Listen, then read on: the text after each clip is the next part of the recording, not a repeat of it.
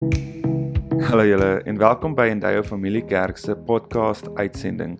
Ons missie is om 'n verskil te maak deur Jesus bekend te maak. Ons hoop ons boodskappe inspireer jou en trek jou nader aan God. Hy soek net jou hart. Geniet saam met ons hierdie boodskap. Hallo aan almal wat vandag aanlyn ingeskakel is by ons en ek het 'n groot opgewondenheid oor 'n kontroversiële boodskap wat eintlik 'n baie laagtepunt is en dit is depressie. Ek het eintlik by myself gewonder maar hoe gaan ek vandag se boodskap begin of 'n goeie intro hê en ek het gedink om miskien met 'n grappie te begin. Maar alle grappies wat ek gaan opsoek het is net eintlik baie depressief. So daar is nie regtig 'n baie maklike manier om oor hierdie onderwerp te praat nie. Maar ek besef dit is 'n baie relevante onderwerp op die oomblik. En ons baie mense wat as gevolg van die epidemie verskriklik sukkel met depressie. Uh baie mense besef nie eers dat hulle miskien in depressie is nie, maar hulle besef dat iets is fout in hulle lewe en hulle weet nie hoe om uit te kom nie. Um depressiegetalle het ontsaglik opgeneem en en opgegaan in die afgelope tyd. En miskien ken jy miskien iemand wat wat self selfmoord gepleeg het as gevolg van depressie. So jy is aangeraak deur depressie al het jy self nie depressie nie. Of jy ken iemand wat depressie het en jy weet nie lekker hoe om hulle te hanteer nie of om wat om vir hulle te sê nie om om iets omtrent die saak te doen nie. En ons gaan 'n bietjie praat oor al hierdie relevante onderwerpe wanneer dit kom oor depressie en wat God se woord vir ons sê oor depressie. Depressie is regtig besig om op te neem as gevolg van die feit dat antisosiale gedrag aangemoedig word. Soos hulle sê social distancing, bly net weg van mense, moenie baie kuier nie want nou-nou raak jy uh, siek en jy sterf. So baie mense is baie minder geneig om uit te gaan om sosiaal te verkeer wat ook depressie veroorsaak. En dan is daar natuurlik baie druk by die werk, mense wat hulle werk verloor het en ons leef regtig in 'n tyd waar depressie baie gediagnoseer word deur dokters. Maar vandag gaan ons bietjie kyk oor wat sê God se woord daaroor, maar voordat ons gaan begin met dit, wil ek vir julle lees wat sê the World um, uh, Health Organization uh oor depressie en ek lees vir jou die volgende. Dit sê what is depression? Depression is a common mental disorder that presents with depressed mood, loss of interest or pleasure, decreased energy, feelings of guilt or low self-worth, disturbed sleep or appetite and poor concentration. Moreover, depression often comes with symptoms of anxiety. These problems can become chronic or reoccurring and lead to substantial impairment in an individual's ability to take care of his or her everyday responsibilities. At its worst, depression can lead to suicide. Almost 1 million lives are lost yearly due to suicide, which translates to 3,000 suicide deaths every day. For every person who commits suicide, 20 or more may attempt to end his or her life. Depressie is 'n erkende epidemie selfs in die wêreld wat al baie langer kom as die coronavirus. Dis deel van ons samelewing. En daar's 'n groot taboe wil ek amper sê wanneer dit kom by Christene en hoe ons kyk na depressie toe, omdat dit juis iets is wat binne in ons gedagtes plaasvind. Baie mense sal sê, maar is depressie 'n demoon wat moet uitgedryf word uit mense uit? En ander mense sal sê, maar hoe is dit moontlik vir 'n Christen wat veronderstel ons om die geluk van Jesus binne hulle lewe te hê om depressie te kry? Dit dit moet mos nie so wees nie. En daar's soveel vrae wat om depressie gaan. Erns het jy miskien in aanraking met iemand gekom met depressie en jy weet nie hoe om dit te hanteer nie. Selfs ek in my vroeë bediening het ek baie keer met depressiewe mense te doen gehad en absoluut uit onkunde en arrogansie uit het ek baie keer net vir myself gesê, "Ag, kom net oor jouself." Uh jy weet, ek vind net Jesus in jou lewe en kry weer weer 'n bietjie geluk en dan sal alles oukei okay wees. Tot die dag wat depressie aan my deur kom klop het tot die dag wat dit met my gebeur het en vir die eerste keer verstaan ek um wat aangaan as dit kom by depressie. Ek wil iets baie baie duidelik maak vandag. Ek is gediagnoseer met kliniese depressie. Ek is nie skaam daaroor nie. Um God het my op 'n journey oor dit gevat En vandag wil ek bietjie graag met jou daaroor praat en met jou dit deel. So 6 jaar terug het ek in depressie verval sonder dat ek dit agtergekom het. Um dit was nie iets gewees wat ek gedink het o, nou is ek seker depressief nie. Um dit het iets gebeur as gevolg van die feit dat ek baie hard gewerk het. Dit is niemand se skuld nie, dis alles my skuld gewees omdat ek nie 'n baie gesonde leefstyl geleef het nie en ek konstant besig was om baie lang ure te werk as gevolg van die feit dat ek aanvaarding gesoek het um, as gevolg van my werk. Dit was 'n seisoen in my en my vrou se lewe wat ons twee kinders gehad het, Joshua en Caitlin wat vandag nog die joy van my lewe is. Maar dit het groot finansiële druk veroorsaak in ons lewens. Dit was 'n tyd gewees wat my vrou um gesukkel het om werk te kry en ek het alles in my vermoë gedoen om die pot aan die kook te hou, soos hulle sal sê in my huis. Maar dit het veroorsaak dat ek 'n baie ongesonde leefstyl begin leef het, dat ek begin laat aan 'n werk het, dat ek min begin slaap het en my liggaam het letterlik gebreek as gevolg van dit. Um ek het begin agterkom dat iets begin in my lewe gebeur. Byvoorbeeld, ek het verskriklik gesukkel om te slaap. Ek sou 2 ure slaap, dan wakker word en dan sukkel om verder te slaap. En elke aand het dit al hoe erger en erger geword. Tot op 'n stadium wat iets interessant begin gebeur het. Ek het begin dink hoe ek my eie lewe sou neem. Dit was 'n baie donker tyd geweest. Dit was 'n tyd wat ek 3 uur in die oggend wakker sou word en ek weet dis verkeerd om hierdie gedagtes te hê. Ek weet wat die waarheid is wat God se woord sê oor dat ons nie moet selfmoord laat dat lewe kosbaar is vir God. Maar nog steeds het ek myself gekry dat ek hierdie gedagtes gehad het. Die tweede ding wat gebeur het is ek het baie begin huil vir geen rede nie. Um ek sou net emosioneel raak oor goeters en daar sou geen rede agter dit wees nie. Ander kere, byvoorbeeld sou dit gewees het dat ek geen gevoelens gehad het nie. Ek sou letterlik deur rooi robottens ry um en net nie omgegee het oor my eie lewe nie. Dis 'n baie snaakse gevoel wat met jou gebeur. Dan was daar ook tye gewees wat ek niks gevoel het nie. Dit was 'n baie moeilike tyd gewees. Maar dankie tog vir Jesus Christus en die mense wat hy om my gestel het, wat my opgetel het, dit opgevang het en my deur daardie tyd gehelp het. Dit was 'n tyd wat die leierskap my ingeneem het, my versorg het, um en seker gemaak het dat ek herstel het en ek gaan so 'n bietjie praat oor daai herstelproses wat God geloop het met my en wat hy graag met jou miskien ook sal verloop. Baie mense besef nie dat hulle baie naby ook is aan die afgrond van depressie. Ek kan onthou in daai tyd het ek by myself gedink, mense sou my gewaarsku het, vir my gesê het, "Bram, jy gaan uitbrand. Bram, jy kan nie so aangaan nie."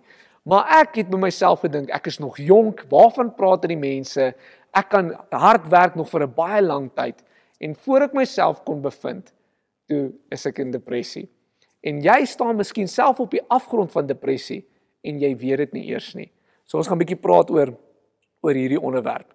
So Min mense weet dit, maar daar's groot manne van God wat depressie gehad het in die Bybel.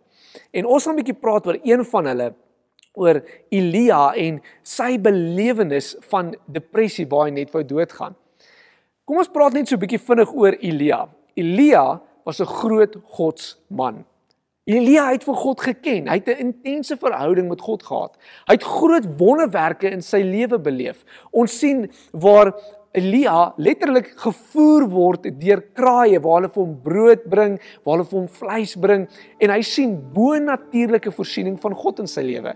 Ons sien vir Elia waar hy ingaan by 'n weduwee en hy vra vir kos van hierdie weduwee en die weduwee sê nee, maar daar is letterlik net genoeg meel oor um en olie oor om nog een maaltyd te maak.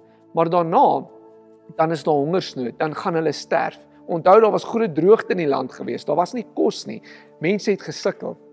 Maar Elia het weer eens God vertrou en hy het gesê maak vir my brood daar uit. Moenie bekommer wees nie, God van gaan voorsien. En die Bybel sê dat hulle elke liewe dag meel en olie in die huis gehad het.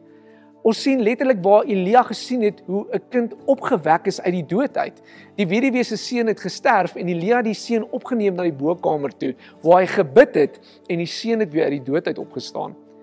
Elia was 'n godsman wat God beleef het. Verder gaan die skrif en vertel die storie waar Elia um, gegaan het na die Baal profete, hulle uitgedaag het en gesê vandag gaan ons sien wat die ware God is. En hulle twee altare gebou waar hulle twee offerandes gebring het waar Elia eintlik gespot het met die profete van Baal en gesê het: "Waar is julle God? Hoekom bring hy nie vuur voort om vir julle offerande nie?" Ons sien Elia wat vol selfvertroue is oor wie God is in sy lewe en wat hy gaan doen. En ons almal ken die verhaal waar God vuur gestuur het vir Elia en dit het alles verteer en almal kon sien wie die ware God is. Maar toe gebeur daar iets baie interessant. Elia se lewe word gedreig en hy hardloop weg met alles binne in hom en Elia val heeltemal uitmekaar uit. En hoor wat sê hierdie gedeelte vir ons in 1 Konings 19 vers 3 tot 5 waar ons vandag Elia se storie lees. Dit sê Elia het bang geword en ter wille van sy lewe gevlug. Toe hy by Berseba in Juda kom, het sy slaaf het hy sy slaaf daar agtergelaat. Hy self het egter 'n dagreis ver die woestyn ingegaan Daar het hy onder 'n besembos gaan sit en gewens hy is dood. Hy het gesê: "Nou is dit genoeg, Here. Neem my lewe, want ek is niks beter as my voorvaders nie."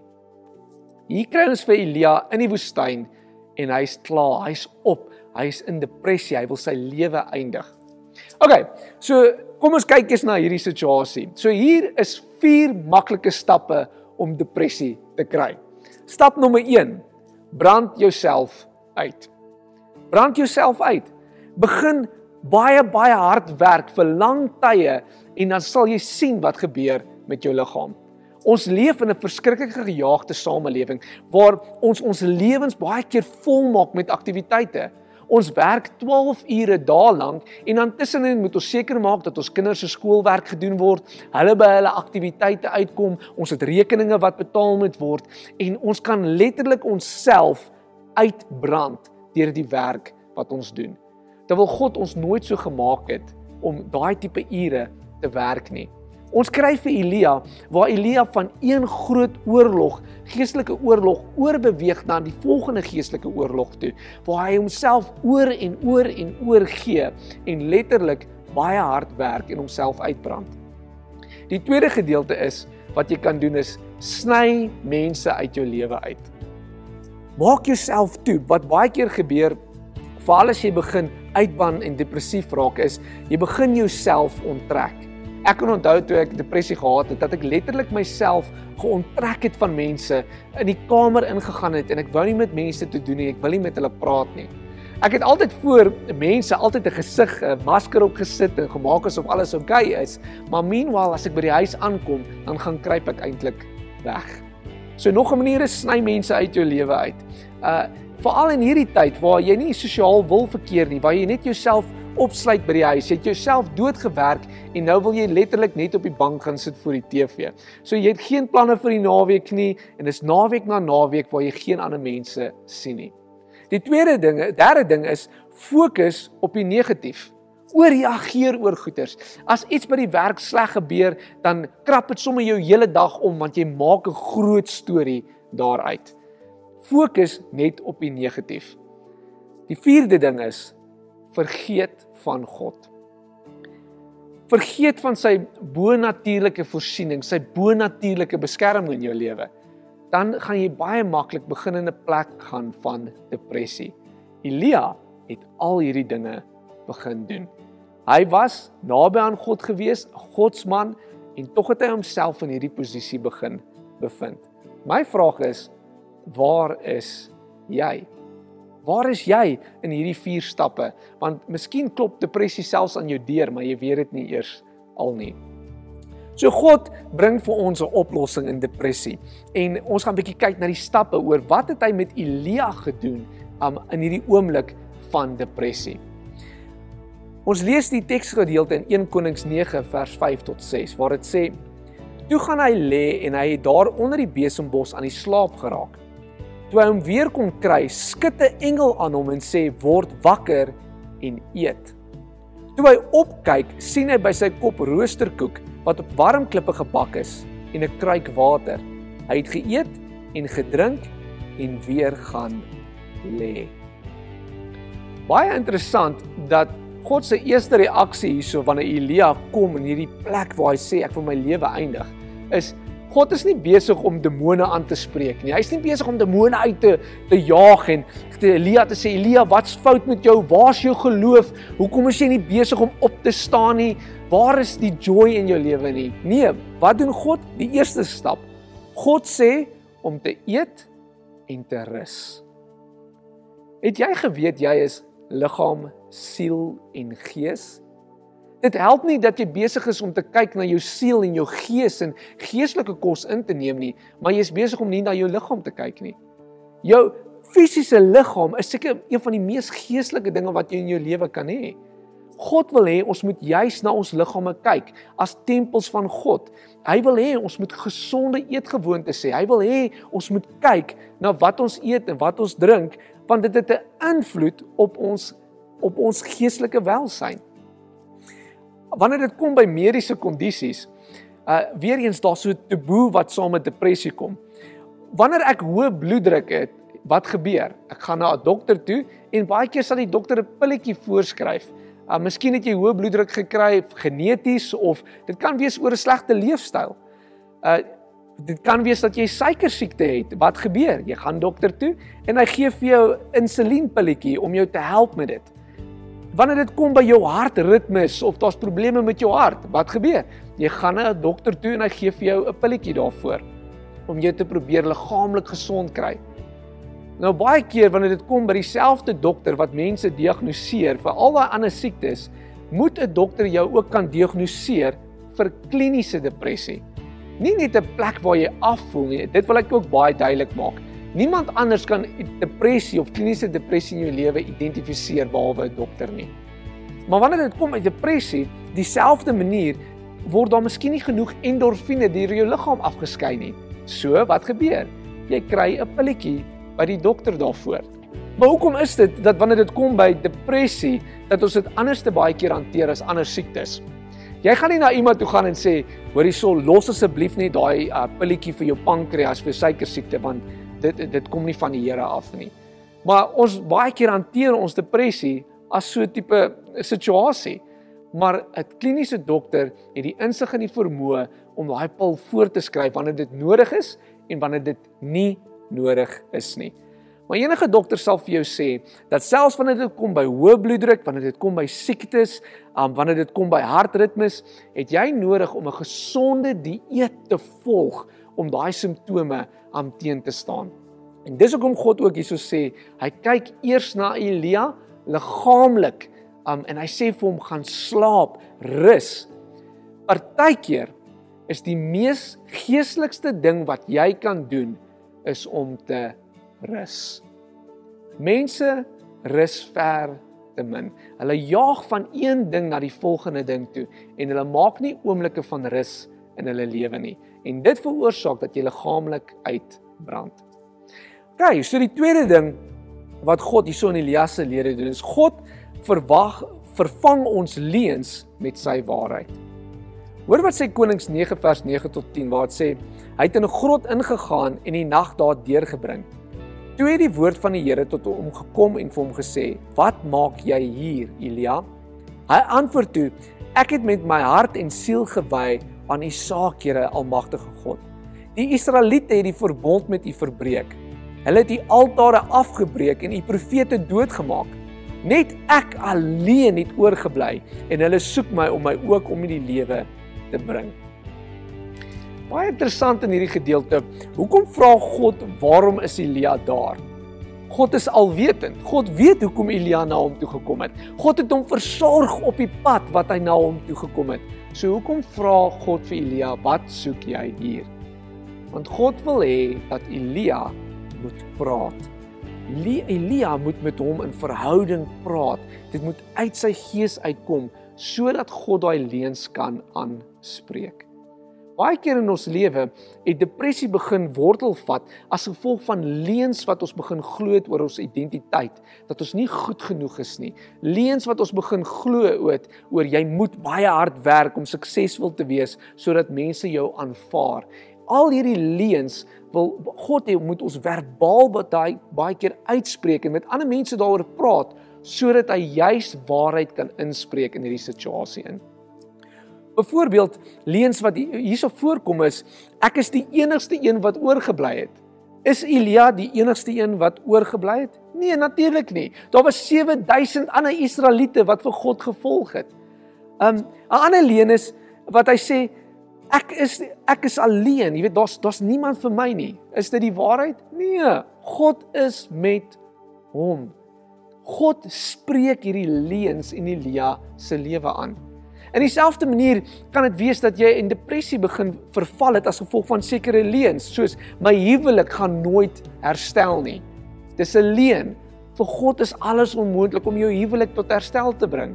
Die tweede leuen is miskien ek sal nooit werk kry in hierdie ekonomie waarin ons is nie. Dis 'n leuen. God se ekonomie is nie die wêreld se ekonomie nie. Hy's 'n bo-natuurlike God van voorsiening. Ander leen is miskien my kinders gaan nooit die Here ken of dien nie. Dis 'n leen. Um en ons het nodig dat ons daai leens uit ons gees uit kan kry en met God daaroor praat sodat hy kan kom met sy Heilige Gees en waarhede weer begin inbring in ons lewens. Die leen wat ek geglo het was is dat ek nodig het om my dood te werk want my identiteit is gekoppel aan my werk. En die enigste manier hoe ek aanvaarding gaan kry by mense is deur myself dood te werk. Maar God het daai leen kom herstel en my identiteit kom terugbou sodat ek besef het wat dit is om 'n gesonde leefstyl te begin leef. Wat dit is om daai waarheid te glo maar my identiteit is in God. Die derde ding is wat hier gebeur is. God gee 'n nuwe visie. Elia is so half doelloos. Hy weet nie wat die volgende stap is nie. In 1 Konings 19 vers 15 sê dit die volgende: Maar die Here sê vir hom: "Draai in jou spore om na die Damaskus woestyn toe. En as jy daar aangekom het, moet jy vir Gasal salf tot koning van Aram. Jy moet ook vir Jehu seun van Nimsi salf tot koning van Israel en vir Elisa seun van Safat uit Abel-Mogola moet jy salf tot profeet om jou op te volg." So wat gebeur in hierdie situasie? God gee vir Elia 'n nuwe doel om na te streef. Hierdie is die taak wat ek vir jou gee. Baie keer as dit by, by depressie kom, kom ek agter dat mense baie keer doelloos is. Hulle sal vir jou sê maar ek ek voel nie ek het purpose nie. Ek voel nie waartoe ek op pad is nie. Ek weet nie wat om te doen nie en en dan verval baie mense in depressie. Maar God het die vermoë om deur sy Heilige Gees vir jou 'n doel in die lewe te gee, om jou in 'n rigting in te stuur om te sê ek wil hê jy moet dit doen. En die oomblik as daar jy daai purpose driven lewe het wat ek amper sê, dan jy besig om nuwe passie in jou lewe te ontdek, nuwe goeders te begin gebeur in jou lewe, nuwe deure maak in jou lewe oop en jy begin weer passievol leef in volheid vir God. So ek het 'n vraag wat ek jou wil vra vandag. Waar is jy in die lewe? Miskien het jy nie depressie nie, maar jy begin agterkom daar's sekere tekens, sekere gewoontes in jou lewe wat miskien later tot daai punt kan lei wat jy nodig het om nou reg te stel. Miskien is dit dat jy iemand ken wat depressie het en jy God wil jou gebruik sodat jy na daai persoon toe kan gaan sodat hulle kan praat oor die situasie waarin hulle is sodat God deur sy Heilige Gees jou kan gebruik om waarhede in daai persoon se lewe in te spreek. Miskien sit jy in depressie en jy weet nie hoe om daar uit te kom nie en jy jy voel half skaam daaroor. Jy jy wil nie met mense daaroor praat nie want nou nou dink hulle almal jy is mal. Maar dis nie die waarheid nie. God het 'n doel en 'n plan met jou lewe en hy wil hierdie stappe met jou volg sodat jy gesond kan kom, sodat jy 'n volle lewe vir hom kan hê. Ek wil nou net God se Heilige Gees vertrou om regtig net in jou lewe in te werk en ek wil vra daar waar jy is dat jy jou oë vir 'n oomblik sal sluit. Kom ons sluit ons oë. Maar Vader, Here my hart breek vir mense, Here, wat miskien in 'n baie donker plek is. Here, ek bid dat U sal kom deur die Heilige Gees en hulle nou sal aanraak, Here. Here dat hulle na U toe sal hardloop Here in hulle donker uur Here. Dat hulle nie sal sleg voel oor waar hulle is nie Here. Here maar dat hulle sal besef Here dat U hulle na 'n plek van gesondheid wil bring. Here U besef die situasie waarin ons self bevind, die druk wat die samelewing in hierdie wêreld op ons uitoefen. Here, maar ek weet wanneer ons na U toe kom, dan dan help U ons om liggaamlik gesond te raak. Dan help U ons om waarhede in ons lewe te ontdek. Dan help U ons om nuwe purpose te kry vir ons lewe. Here, ek bid dat U nou met U genesende hand sal inkom, Here, in mense se lewens en hulle sal kom gesond maak.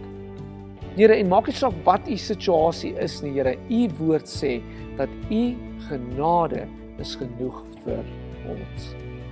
Here, ek bid dat mense in daai donker tyd nie sal hardloop na die dood toe vir 'n oplossing nie, Here, maar dat hulle sal hardloop na U wat 'n God is van lewe. En ons sê amen.